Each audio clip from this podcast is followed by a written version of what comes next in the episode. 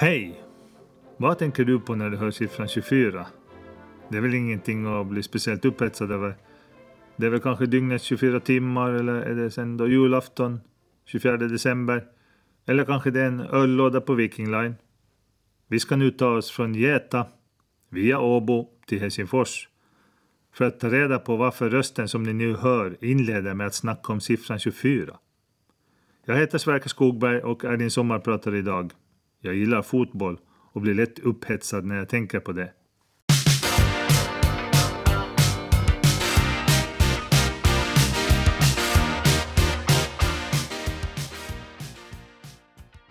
Pointer Sisters, I'm so excited. En av mina, eller min absoluta favoritlåt ska jag väl säga. Det vet alla nära och kära som känner mig. En tidslös låt som man inte kan sitta still med. 24 ja.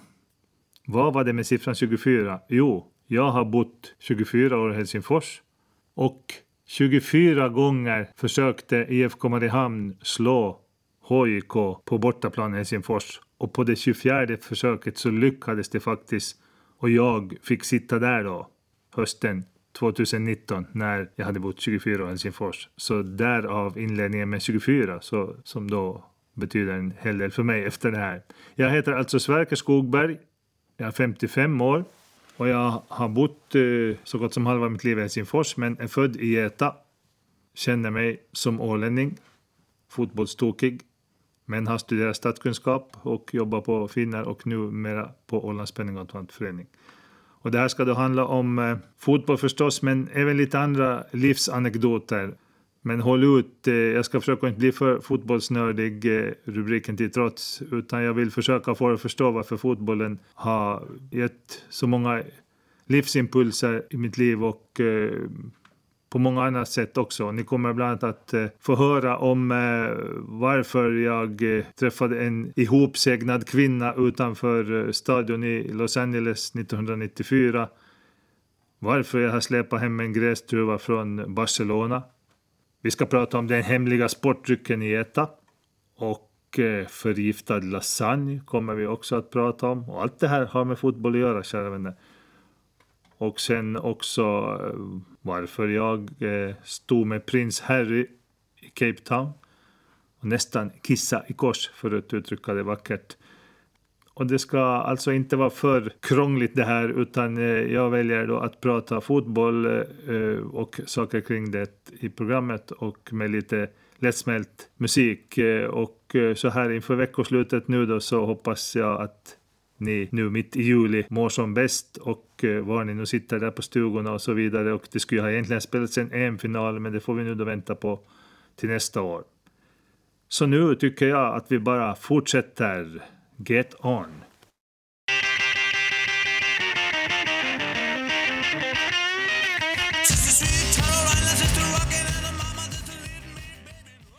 Ja, där hade vi då Get On med Hurricanes. En riktig rivstart här eh, på programmet från den eh, fotbollstokiga Getabo Helsingfors. Sverker Skogberg heter jag alltså. Hoppas Erik Viljanen också lyssnade där på Get On med Hurricanes, min gode kompis. Okej, okay, nu tänkte jag prata om eh, VM. För jag har faktiskt varit på alla fotbolls-VM sedan 1990. Eh, och det är att vara på ett fotbolls-VM är en enormt omvälvande upplevelse. Och det, jag önskar att alla som inte ens är intresserade av fotboll någon gång får vara, vara med om det.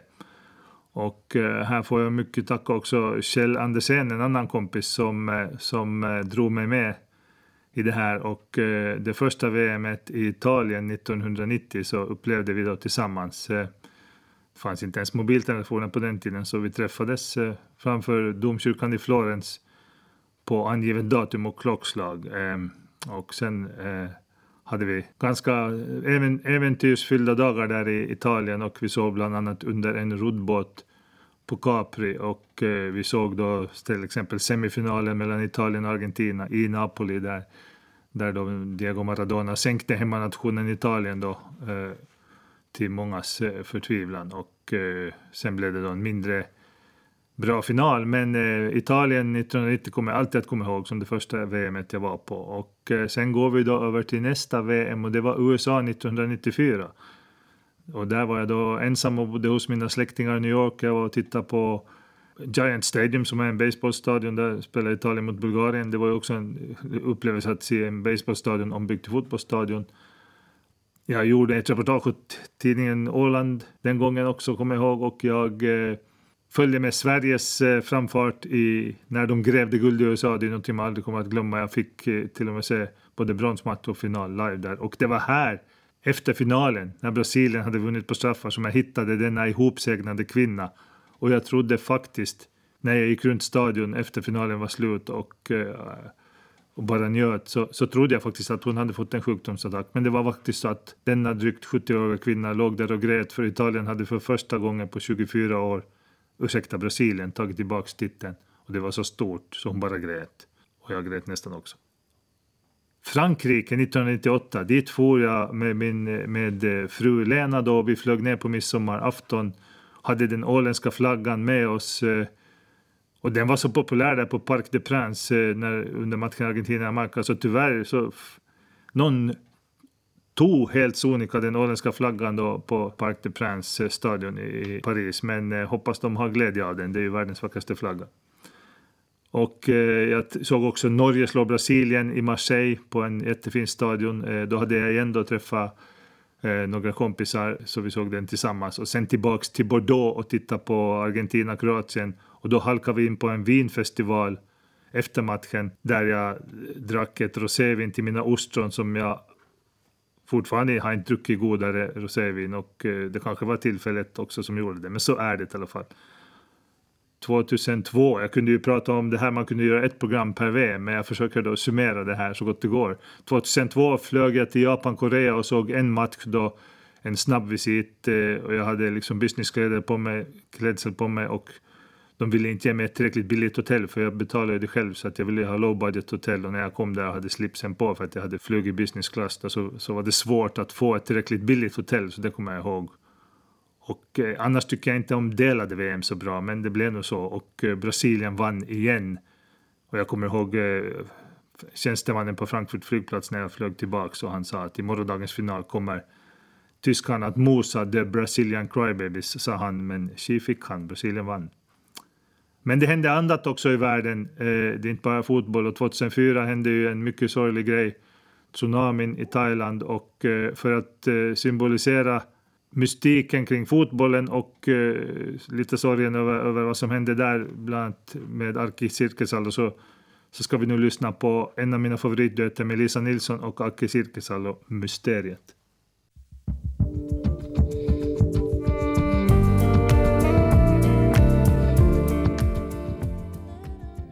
Det är så vacker låt det där som jag, jag tänker förstås på när jag jobbar på Finner och de tragiska månaderna när det transporteras hem kistor då från Thailand och jag, jag jobbade då på flygplatsen i Helsingfors och såg allt det här och bland annat då Aki Sirkisalos kista och så vidare. Så det, det, det, man blir ganska tyst av det här och uh, visar att livet är skört. Och då ska vi alltså röra oss vidare på fotbolls-VM-resorna. Eh, och i Tyskland 2006 eh, hade jag möjlighet att åka två gånger faktiskt. En, en eh, resa via Svenska fotbollsförbundet eh, eh, och sen var jag på en egen så kallad fotbollsluffarresa, vilket jag gillar bäst.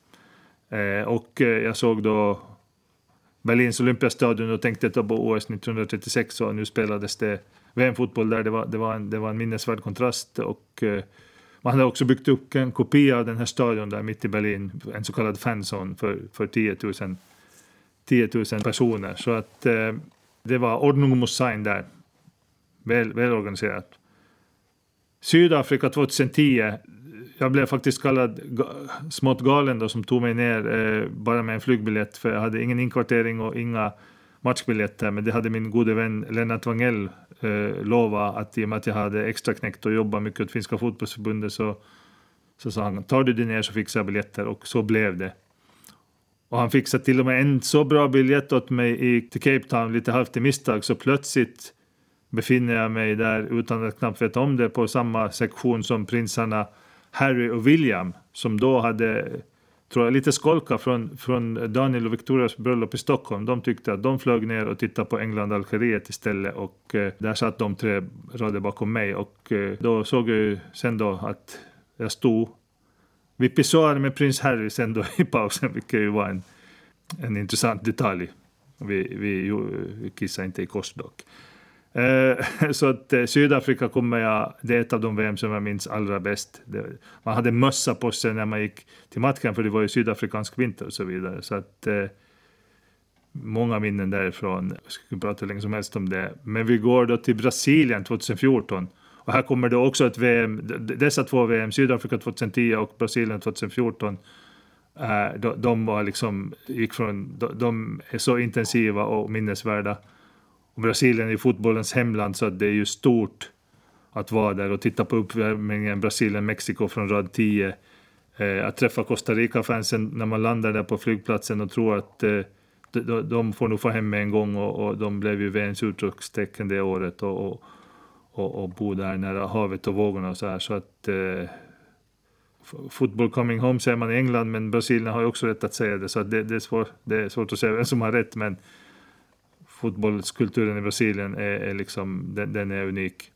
Och då hamnar vi sen då, eh, 2018 så är det då Ryssland som gäller och eh, eh, det var ju mycket snack där före att skulle det bli någon, eh, någon VM-turnering överhuvudtaget. Eh, det var ju protester hit och dit, men det blev VM som så ofta förr. Fotbollen eh, ska genomföras. Eh, det får man tycka vad man vill om, men det var välorganiserat och 55 000 argentinare i Sankt Petersburg blev så väl omhändertagna och så vidare. Och vi åkte faktiskt buss dit, jag och min, min, min kompis Erik. Och det var ju lite som att komma tillbaka till den här skolresetiden.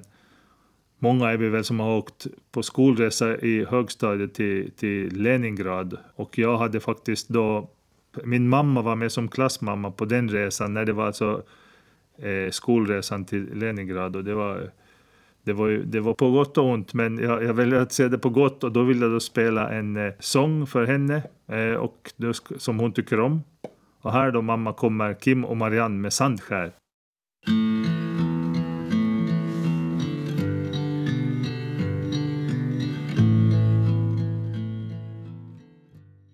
Ja, men jag får ju ofta frågan då att eh, det här mitt fotbollsintresse, kommer det liksom från släkten eller varifrån härstammar det? Och där är väl svaret nog ganska klart och tydligt nej. Min mamma och pappa är inte så intresserade av fotboll. Eh, de följer nog med vad som händer men eh, kanske inte samma brinnande intresse som jag själv har. Lillebror Stefan, eh, han hade spelat fotboll i Finström i division 2 och, och, och, och, blivit sparkad eller också sparkat många fastländska fotbollsspelare på, på benen. Vem som sparkade vem blev alltid oklart. Och eh, det var många, många temperamentfulla ord där. Ehm, sen blev han då domare när han la skorna på hyllan eh, och satte på sig domarskorna istället. Och nu har vi ju alltid en dialog om fotboll och så här. Storebror då, jag ringer ibland och frågar att såg du Champions League-matchen igår? Och det kommer väl ett sådär ja, han hade skymtat någonting. Så att eh, jag är nog nörden i, i släkten med, med råge. Och, och brorsan håller på Djurgården och jag håller då på AIK och han, jag lurade honom en gång till Norra Stå på Gamla Råsunda och eh, det, det var väl trevligt tyckte han kanske.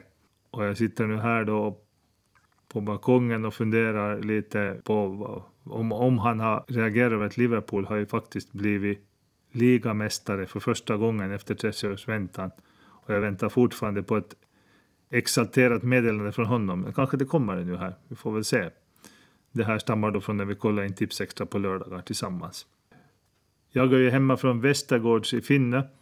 En släktgård som har varit samma släkt sedan 1537 och eh, det är liksom basen då för oss allihop eh, och där, där brukar jag ju vara på besök när det är möjligt. Eh, och det påminner mig också faktiskt om Skyfall och ni som följer med James Bond, jag är själv en stor James Bond-fan och eh, en person som står mig mycket nära är också James Bond-fan. Vi har koll på alla filmer och så vidare och väntar på, på den nya. Men eh, Skyfall är ju liksom back to the roots, tillbaka till rötterna för många av oss. Och eh, Geta och Västergårds kommer väl alltid att vara mitt Skyfall.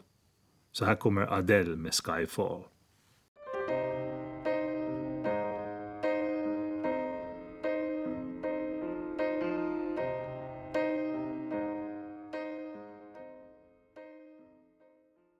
Jag heter alltså Sverker Skogberg och är er fotbollspratande sommarpratare idag.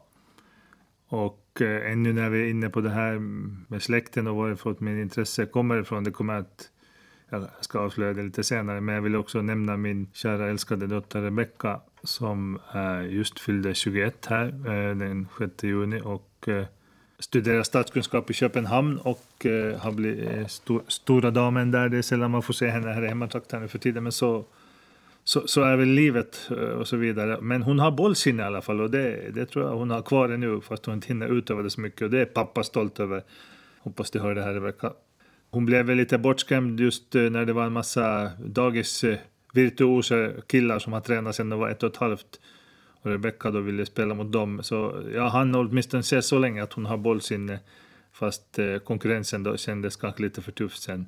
Och sen tycker hon att pappa är lite jobbig då ibland med så, fotbollsnördig att eh, det kanske har skrämt henne lite ibland men hon överraskar ofta och hon har koll liksom. Så när man minst tror att hon har koll så har hon det ändå.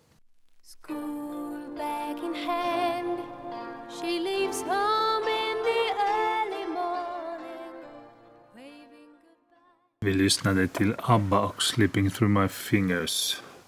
Och jag hade också ett absent minded smile på läpparna. Det, det är ju så att när man har ett enda barn och eh, ett utfluget i världen skilsmässobarn som då har varit jätteduktig och jag är så stolt över dig, Rebecka, du är det största som har hänt i hela mitt liv. Så att då, då blir man, man blir så emotionell i de mest oväntade ögonblicken. Så jag tror att alla som har skol och tonårsbarn förstår mycket väl vad ABBA säger med dessa ord. Men eh, nu tänkte jag förflytta mig lite till England, Skottland. Eh, och det är ju faktiskt så att många som väljer att se en fotbollsmatch utanför Norden så att säga, så åker ju till London på fotboll. Eh, det är då faktiskt så att fast jag har rest, rest runt hela världen, inte hela världen men över 70 länder räknat in någon gång och sett olika fotbollsstadion och VM, så, så dröjde det till 8 december 2008 och Rebecca var faktiskt med på den resan.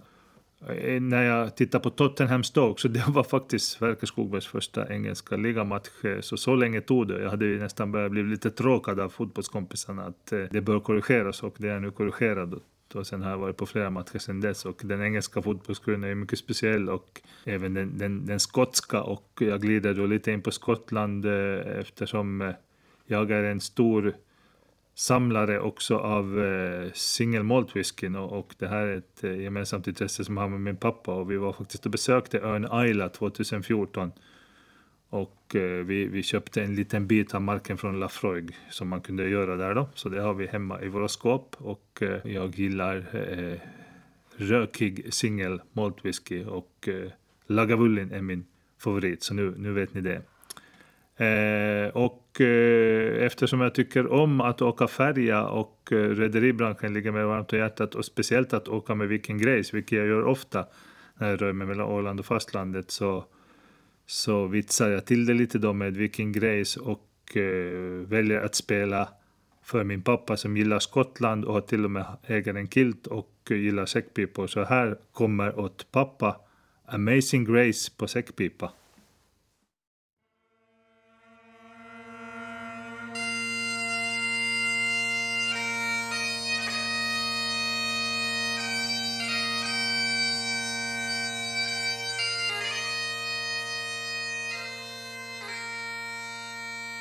Ja, då ska vi fortsätta prata lite om geta för att jag är ju som vi säger i rubriken i programmet, jag är ju en, är och förblir en getabo och lite flera anekdoter då från, eh, från barndomen. Eh, det var ju så att eh, man kan väl säga så då att fotbollsintresset började väl då på planen Geta via IF Start eh, och eh, där var det ju ett problem då att vi hade ingen ordentlig fotbollsplan, den var liksom inhyrd och eh, det lagrades sockerbetor på, på planen där på, på hösten så här så det var ju ett helsike att få gräset i skick sen då så att vi kunde hitta någon sorts plan och, och, och spela på. Liten var den ju.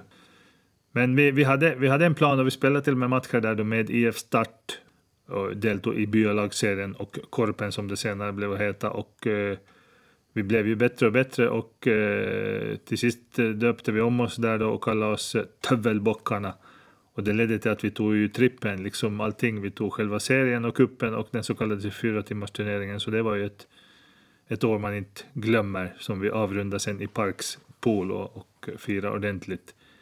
Eh, det var ju mycket talkoanda som gällde förstås, eh, inte bara i fotbollen utan också i ishockeyn.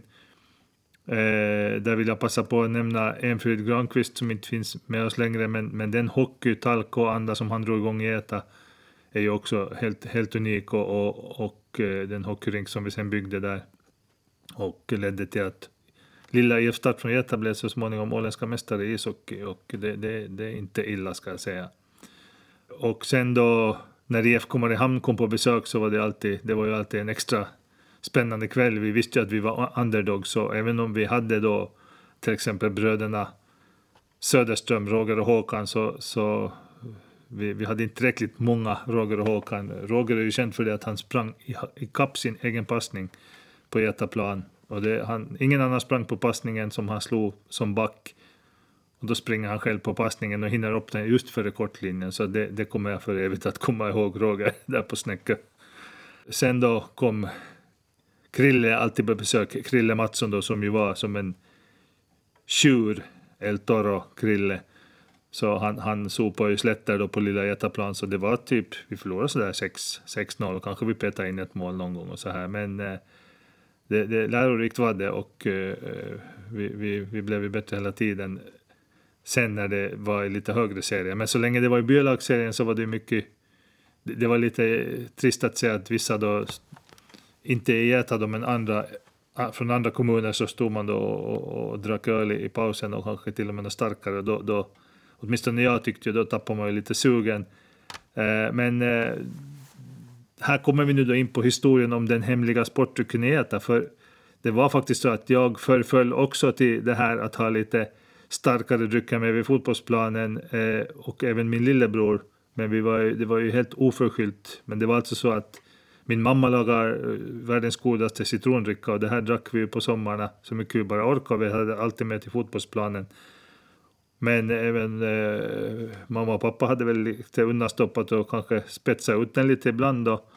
Men när vi hade brått en gång till träningen då vid Etaplan så tog vi ju vad vi hittade och så här och, och vi, vi, vi, tyckte den smakade lite starkt där men, men eh, inte tänkte vi mer på det men det kom ju fram i efterhand och det har förorsakat många, många gapskratt i, i, i, familjen att, att vi, vi tog med den sportdrycken och, och den träningen gick faktiskt extra bra min mormor, mormor Elvi där i himlen tror jag också skulle skratta åt det här och eh, vi håller oss lite här till nära och kära släktrelaterad musik och eh, följande musik vi ska lyssna på är alltså Drömmen om Elin som vi då kallar för Drömmen om Elvi och som faktiskt var mig och eh, fru Lenas eh, bröllopsvals 1996 i Närpes.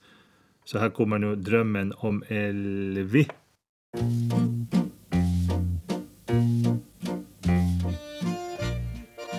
Ja, där hade vi då drömmen om Elin som den förstås egentligen heter framförd av Tommy Körberg.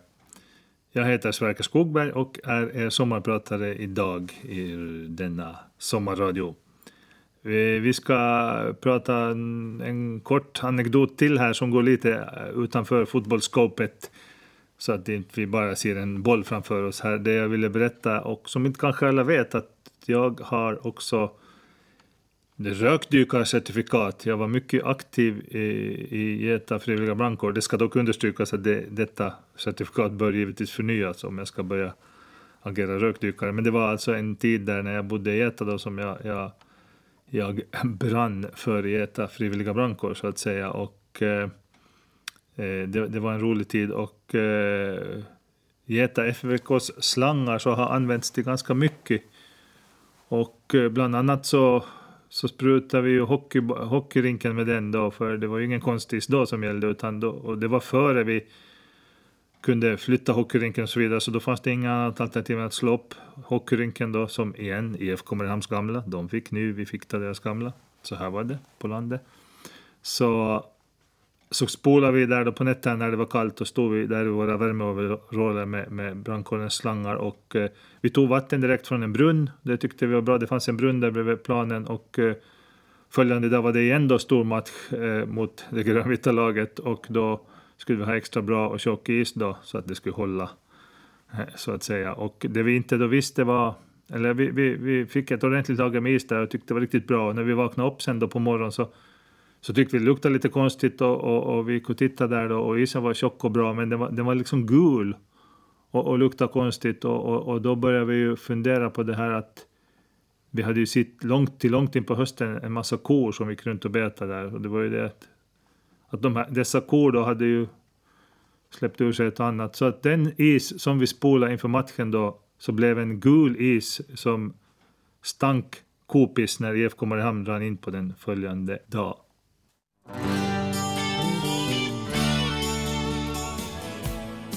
Ja, där hörde vi då Smokey. Även en rökdykare vill gärna lay back in the arms of someone nu och då. Det vill vi väl säkert allihop. Eh, jag tänkte lite också gå igenom mina favoritlag här. Det är ju så att eh, man kan ha ett favoritlag men man kan ha dem på olika ställen. Så att jag, jag tänkte också guida igenom det och där har vi väl också lite förklaringen varifrån mitt fotbollsintresse började. Och eh, fast jag då har raljerat lite om IFK Mariehamn när de kom till Geta här så är det ju så är det ju mitt definitiva fotbollsfavoritlag och det kommer jag att berätta om lite här i, i slutet av sändningen också. Så att de är ju självklara på listan. Och sen också finska landslaget eh, som ju nu för tiden kallas på finska Huhkajat eller Uvarna. Och då menar jag, och sen har du Helmarit då, damlandslaget också och så vidare och eh, U21-lagen. Så att eh, jag har jobbat så pass mycket med extra knäck åt finska bollförbundet så det ligger mig varmt om hjärtat. Eh. Eh, men det som inte kanske alla vet då är ju att jag är en stor eh, Argentina-fan och jag håller alltid på Argentina som lag nummer ett i, i VM-turneringarna och hoppas på att de ska vinna VM och jag hoppas att Lionel Messi ännu ska orka vänta tills han får vinna ett VM med sitt Argentina. Det är ju lite trögt där. Men det började alltså eh, med en herre vid namn Mario Kempes vid VM 1978 i Buenos Aires. Så, så sen dess har det suttit i. Och eh, många säger om man håller på Argentina så kan man absolut inte hålla på Brasilien. Men eh, jag, eh, som jag nämnde tidigare, så att jag ju också, man kan inte låta, man kan inte låta bli att tycka om brasiliansk fotboll. Så, och överhuvudtaget sydamerikansk fotboll har jag alltid gillar intensiteten och glöden. Visserligen finns det också mindre fina element med filmande och sånt där, men ändå. Jag, jag gillar sydamerikansk fotboll, det är bara så. Och också Brasilien, så att jag, jag håller på dem sådär lite side by side, men mest på Argentina. Och listan fortsätter, då har vi då och Tottenham har jag då hållit på engelska ligan sedan... Ja, det blir sen 78 det också. Och då, det, berodde, det fanns en Argentina-connection där, för de köpte då Ricardo Villa och Osvo Ardiles till Tottenham då, och då började jag hålla på dem. Jag hade en, en kort period när jag höll på Queens Park Rangers då när brorsan höll på Liverpool och så vidare. Men det, det, det, ska jag välja så blir det Tottenham. Och sen kommer vi till då det som jag nämnde tidigare också om eh, AIK Gnaget här och eh, det är inte alltid så lätt att vara AIK-fan eh, på, eh, på Åland men jag har folk runt med flera som är så att det, det känns bra. Och, men brorsan är ju som sagt djurgårdare då, och eh, det började med att när vi läste tidningen Buster som kanske många vet, serietidningen Buster då med Åshöjdens BK och Benny Guldfot och det här. Så när vi blev medlemmar i Busterklubben då så skulle vi, fick man välja en nyckelring på köpet och jag tyckte att AIKs nyckelring var cool då med lite svart och gult och så här och, och brorsan valde då Djurgården, kanske för att det var Ålandsfärger. Där har vi väl ett embryo också när, när detta fotbollsintresse började. Åtminstone började jag hålla på AIK då och då var jag åtta år gammal. Och eh, sist men inte minst då så FC Barcelona, Barça, är ju ett lag som ligger jättenära mitt hjärta och eh, förklaringen där är väl då för det första att Barcelona, hela upplägget med Katalonien och färgerna i klubben och så vidare så finns, påminner lite om, om, om Åland på många sätt och sen har Jari Littmanen spelat där och eh, OS 1992 i Barcelona var jättefint tycker jag. Så att, eh, och, och jag har faktiskt släpat hem en, lyckats med konststycket att få hem en grästuva från Camp Nous gräsmatta också i samarbete med kompis Erik. Eh, detaljerna får vi ta en annan gång. Eh, men eh, jag kan avrunda den här delen med ett citat då som nog gäller mig själv också. Det finns en uruguaysk journalist som heter Eduardo Galeano och han, han sa så här. In his life a man can change wives, political parties or religions but he cannot change his favorite soccer team. Och det här gäller ju då i rättvisans namn även, även kvinnor förstås, vice versa. Och nu ska vi då lyssna på Barcelona med Freddie Mercury och eh, Montserrat Caballé.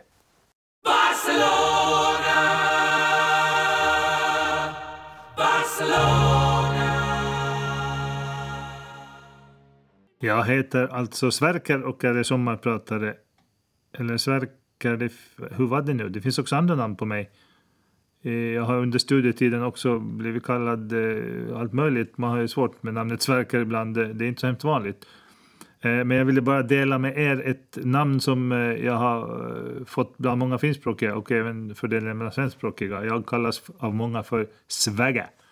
Och det är min studiekompis Ello, Elina Pirataniemi som är professor vid Åbo universitet som har myntat det. Hon, hon då kom från Tammerfors som finskspråkig och studerade statskunskap med mig vid Åbo Akademi. Så det är hon i en buss på väg till Genève med statsvetenskapliga klubben så myntar hon det här namnet och det har hängt med på fotbollsplaner och i, i arbetsrum och här och där så det känns tydligen bra för många att säga det och jag har absolut ingenting emot det.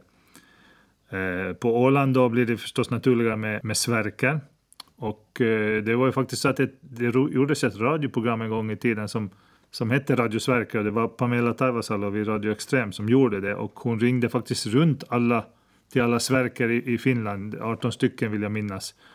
Och eh, ja, på den tiden så, så bodde jag i Åbo men pendlade till Helsingfors och körde då och satt och funderade på att när ska de ringa mig då?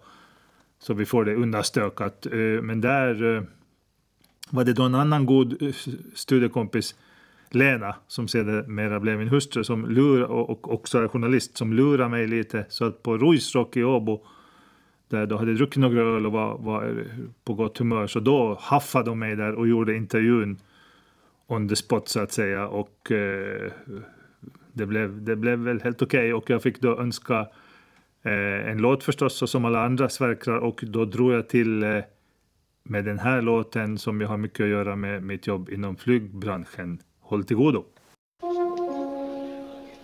Scandinavian Airlines departure to Copenhagen and New York.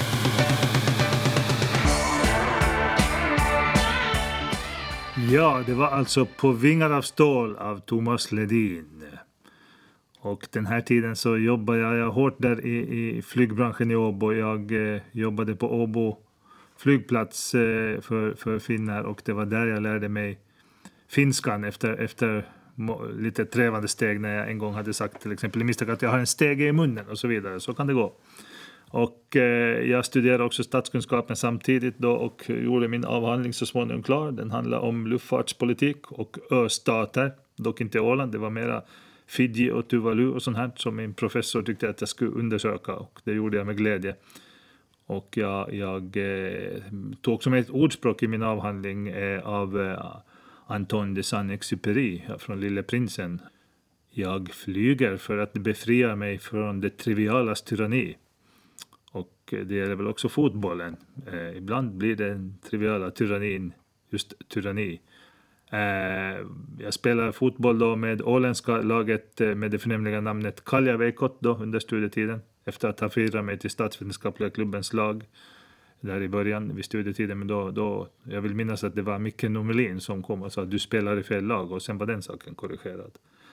Det var roliga, roliga tider den studietiden och jag var också aktiv i Åländska studentlagets styrelse och eh, vi gjorde mycket aktiviteter där som, som förhoppningsvis var ålänningarna till gagn.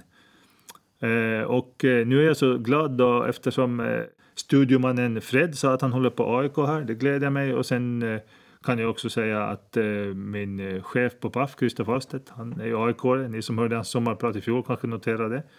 Jag hade inte sjungit på Råsunda som han, så där får du den passningen Christer. Men varför jag också blir glad är för att det är en, en annan radiomänniska här som jag tänker på. det är alltså Nina Smed, så redaktör Nina. Hon och jag är faktiskt Lambada-mästare.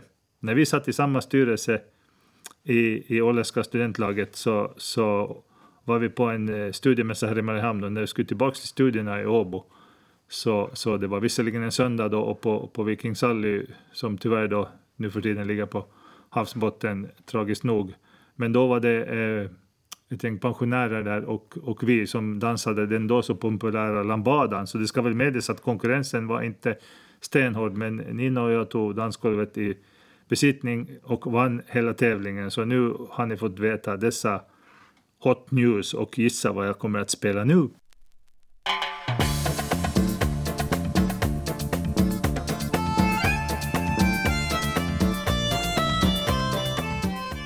Ja, det känns ju ganska bra att ha kunnat skriva in Lambada kung i CVn. Nåja, då var vi lite lättsamma där eh, och jag tycker om att vara lättsam. Eh, men ett problem jag har när det gäller fotboll är att ibland så tar jag det för seriöst. Och det var väl det som hände då under tiden eh, när jag jobbade på Finnar och så vidare och fick alla möjliga uppdrag och, och vi, vi, jag var ordförande i Finland fotbollteam bland annat som bestod av, av, det var en blandning av, av piloter och folk som jobbar på, på, på frakten och så vidare. Så att eh, Eh, vi, vi, vi spelade med i, i bolagsserien där och det gick väl bra och vi vann ett år eh, på sandplanen där på Blåbärslandet. Eh, jag fick då höra, jag, jag gjorde en bra grej och en dålig grej. Den bra grejen var att jag räddade en straff så att vi vann finalen. Jag blev inslängd i målet där. Eh, sen då som lagkapten så var jag så glad så att jag sprutade champagnen rakt över alla motståndare istället. Så när folk ville dricka av champagneflaskan fanns det ingenting kvar. Men det korrigerade jag vid bastukvällen några veckor senare. Rebecka var med vid plan när hon var bara två veckor gammal eh, vid dessa grusmatch, gru, grusplansmatcher och eh, det var ju det året 98 vill jag minnas när Bebeto hade myntat den här vagga, vagga barngesten, målgesten vid VM 98 för om man just har blivit pappa. Så att jag gjorde ju förstås samma sak eh, eh när jag gjorde mål. Så gick jag fram till sidlinjen och, och vagga. Eh, så det här var väl helt, helt okej. Okay. Sen for ibland en del av gänget for ner på sådana här five-a-side, femmanna fotbollsturneringar. Men jag tyckte att det var, det var lite för mycket sådär festande festande sådär. Att jag tyckte det skulle vara seriösare än så.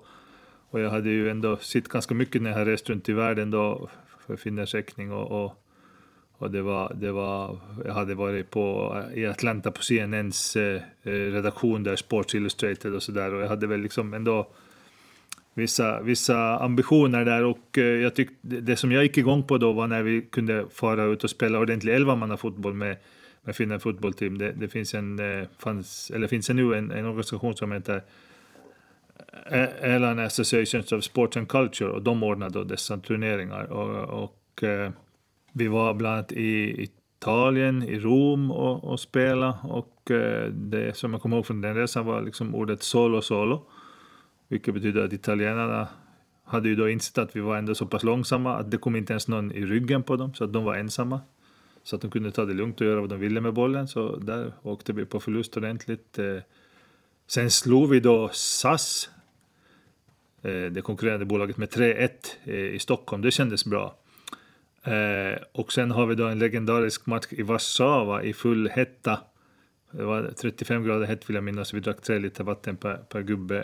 Och eh, det som var speciellt där var att eh, domaren gav rött kort åt motståndaren och det tyckte vi då var bra. Då har vi chansen att trycka in segermålet här. Men vår förvåning då när spelaren kom in på plan på nytt efter fem minuter och då, då blev det vilda protester, men eh, för, för det spelades ju enligt Fifa-regler och så vidare. Men det tyckte inte denne Warszawa hemmadomare och det blev ett jäkla rabalder och efteråt skrev vi långa brev och så här och sånt gick jag också igång på och skrev långa brev till, till, till den här organisationen att så här får det inte gå till. Men tyvärr vågade inte ordföranden rösta för att matchen skulle spelas om då eh, eller ogiltig förklarats och vi skulle få vinsten utan det blev 4-3 till, de, de, de hade inte tid att spela om matchen så så, så, så vi förlorade ändå. Men eh, jag vill ju med det här bara säga att för mig så var det som att det skulle vara flygbolagens Champions League och det är ju dit jag ville sträva hela tiden.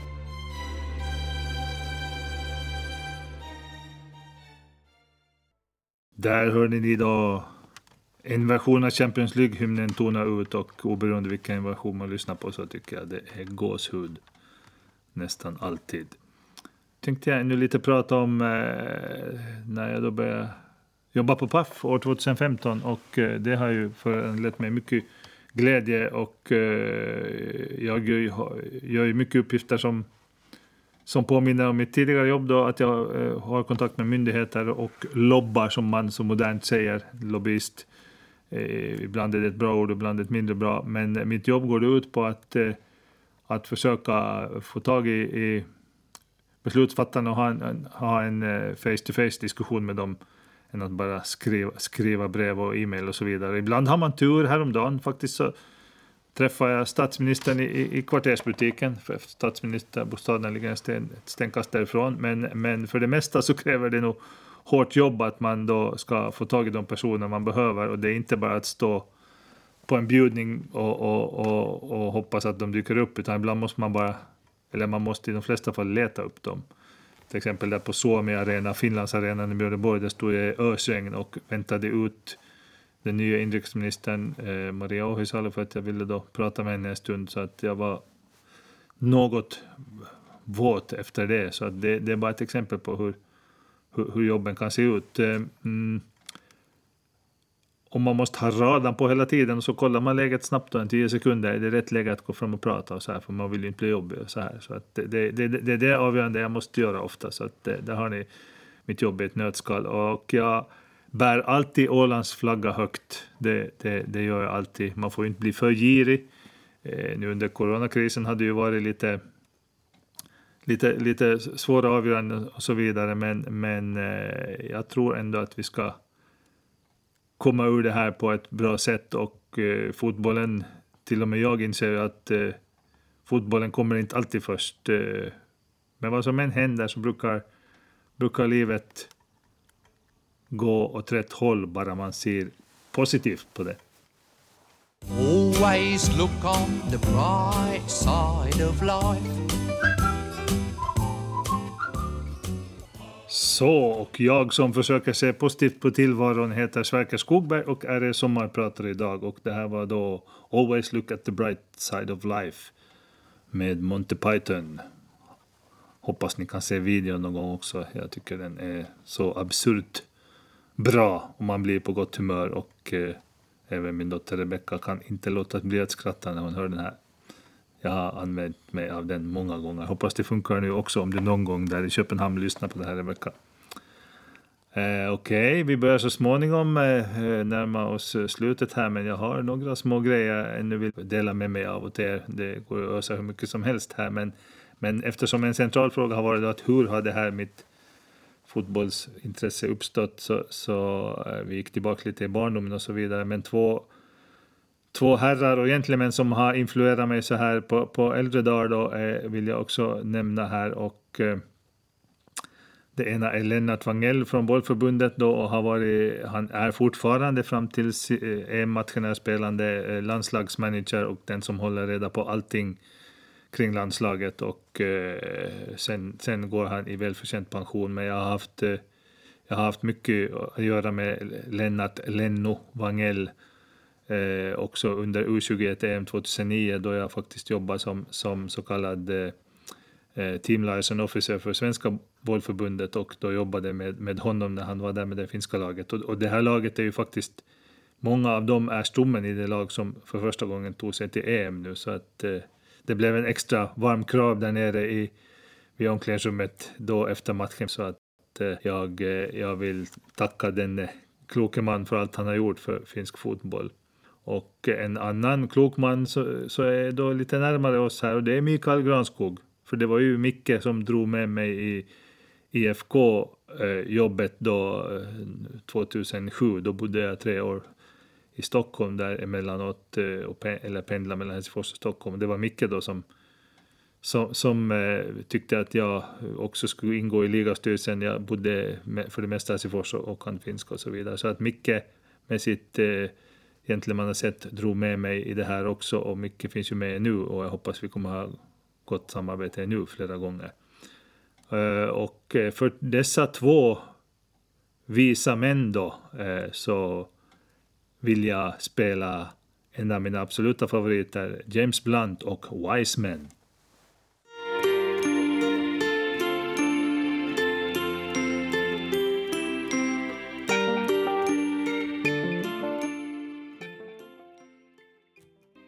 Så ja, och eh, speciella hälsningar till också en annan James Blunt-fan som vet när hon hör det här vad det handlar om. Då är det faktiskt så att last but not least, sist men inte minst, så kommer jag då till det grönvita som förstås ligger mig allra varmast om hjärtat och jag pratar då om jobbet eh, inom IFK Mariehamn eh, och Eh, att följa med laget och så vidare. Det, det är så att jag har suttit nu en par år i IFK Mariehamns styrelse och eh, ännu längre än så i, i själva ligastyrelsen då, som jag berättade tidigare, så var det då Micke Granskog som drog med mig där och det har varit många intressanta diskussioner och, och där kan ni ge er tusan på att jag håller IFK-fanan högt och det är inte alltid så lätt när storklubbarna ibland lite gaddar ihop sig. Så att eh, det, det, är ganska kämpigt ibland, men, men jag gör det med med stolthet, hjärta och passion, som vi brukar säga inom grönvitt. Och eh, särskilt den här coronavåren då, det, det, påverkar ju allt och vi har mötts eh, med ligastyrelsen där var, varje vecka för att bena ut alla, alla frågeställningar. Och det finns faktiskt en kolumn där på IFK Mariehamns hemsida där jag beskriver det här arbetet lite mer i detalj om någon, någon är intresserad av det. Och eh, det, där är stolthet och, och, och och, och kamratlighet har funnits faktiskt in, inte bara inom IFK utan jag skulle säga att det, det, det som genomsyrar den finska ligafotbollen nu när det är lite kristider så är ju ändå det, det är ändå positiva saker och man, man, man håller ihop på ett annat sätt. Så att eh, det, det, det tycker jag är, är positivt. Och eh, tänker då lagen äter samma mat. Eh, om HIK och IFK Mariehamn spelar i Helsingfors så går vi, jag har varit med många gånger själv också, så går vi dit ner och äter restaurangen sida vid sida. Och eh, det är inte till exempel då, för att då nämna jag har varit med om när, när lasagnen då förgiftades som jag nämnde i inledningen och, och det var alltså en match mellan Mexiko och Colombia under U, U, U17-VM 2003 i, i, i Helsingfors de vägrade äta varandras mat, de, den skulle föras ut och så vidare. Så att eh, vi blev tvungna där i köket att, att eh, släta till lasagnen och föra ut den och sa att ingen har rört den. Men ni, jag, jag nämnde det här för att sånt här för, förekommer inte i den finska fotbollsligan. Där, där äter HIK och IFK Mariehamn glatt sida vid sida på, på stadion där efter matchen, oberoende hur det har gått. Och det här tycker jag är någonting som, som, som känns bra att eh, man kan gläfsa i, lite i, i ligastyrelserummet ibland, men, men för det mesta så kommer vi ut ur det som vänner. Och eh, jag är ju så stolt över att sitta i det där ligastyrelserummet med IFK Mariehamns emblem då som ett av tolv där på väggen. Och tänk vad den här lilla klubben har lyckats, lyckats med. Eh, liga, liga guld, eh, cupguld och vi har varit i Azerbajdzjan, i Valkeakoski, Warszawa, Norge och, och vi har Champions League-hymnen har smygspelats då på, på VH i, i, då inför matchen mot Legia Warszawa. Eh, så att där var det också gåshud.